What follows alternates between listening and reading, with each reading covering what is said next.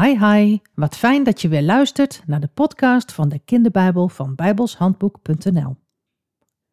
Het vorige verhaal ging over Jacob. Jacob die voor het eerst de dochter van Laban, Rachel, had gezien bij de put.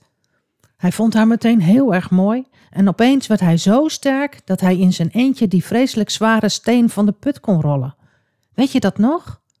Hij begroette Rachel huilend van blijdschap met een kus. En Rachel was ook heel erg blij. Ze vonden elkaar meteen heel erg leuk. Rachel rende naar huis om haar vader Laban te vertellen over haar ontmoeting met Jacob. En Laban liep Jacob meteen tegemoet en hij omhelsde Jacob blij. Wees welkom in mijn huis, zei hij. Jacob bleef een tijdje bij Laban wonen en werken. En toen zei Laban tegen Jacob: Je bent wel mijn broeder en onze familie.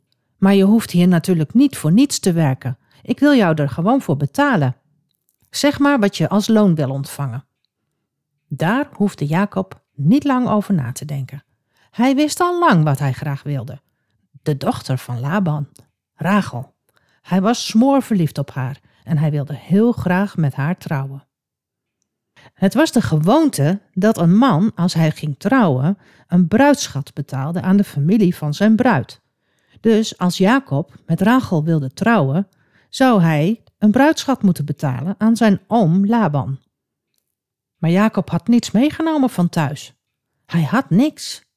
En daarom zei hij: Laat mij zeven jaren voor u werken, en laat mijn loon dan uw jongste dochter Rachel zijn. Hij gaf dus geen geld en geen sieraden, maar hij gaf tijd en zijn kracht. Dat is goed, zei Laban. Het is beter dat ik haar aan jou geef dan aan een ander. Dus je mag hier zo lang wonen en voor mij werken. Het leek allemaal te mooi om waar te zijn.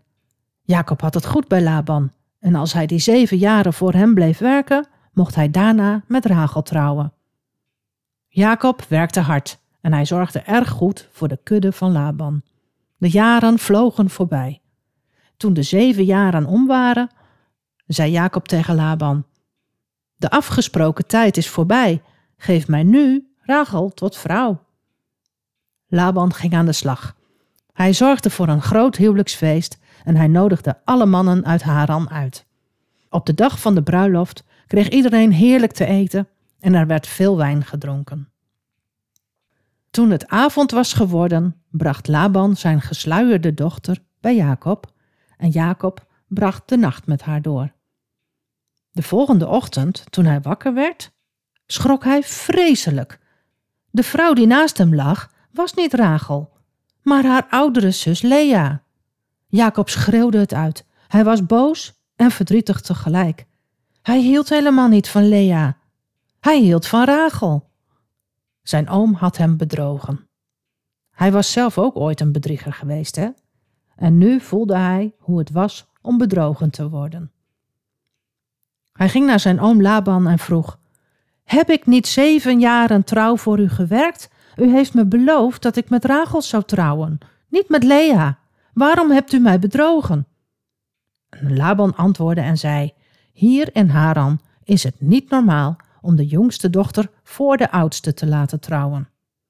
Maar als je deze week, de bruiloftsweek van Lea, gewoon fatsoenlijk meeviert, dan mag je daarna met Rachel trouwen. Tenminste, als je daarna nog een keer zeven jaren voor mij blijft werken.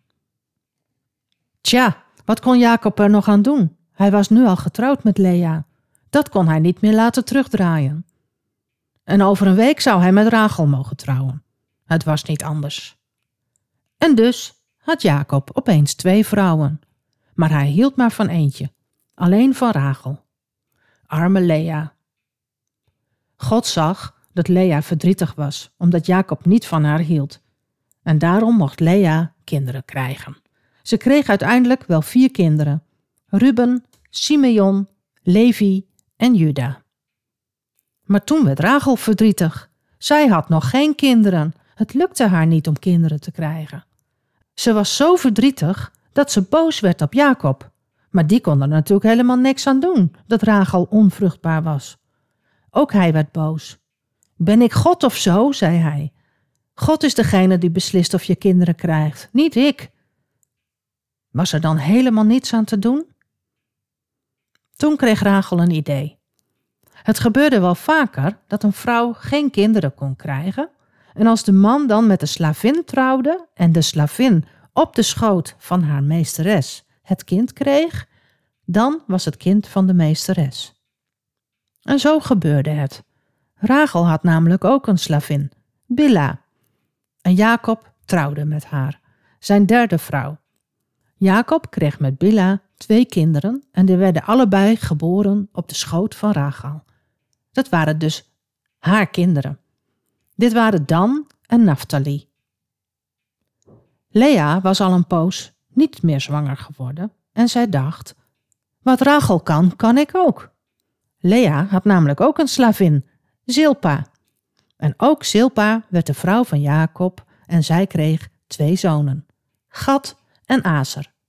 Ze werden geboren op de schoot van Lea. Daarna kreeg Lea nog een keer ook twee zonen en ook nog een dochter. De twee zonen waren Issachar en Zebulon. En de dochter heette Dina. Jacob had nu al tien zonen en één dochter. Tjonge, jonge, dat zijn al heel veel kinderen, hè? Wat denk jij? Zal Rachel ook zelf nog kinderen kunnen krijgen? Volgende keer gaan we weer verder. Luister je dan ook? Tot dan. Hi hi.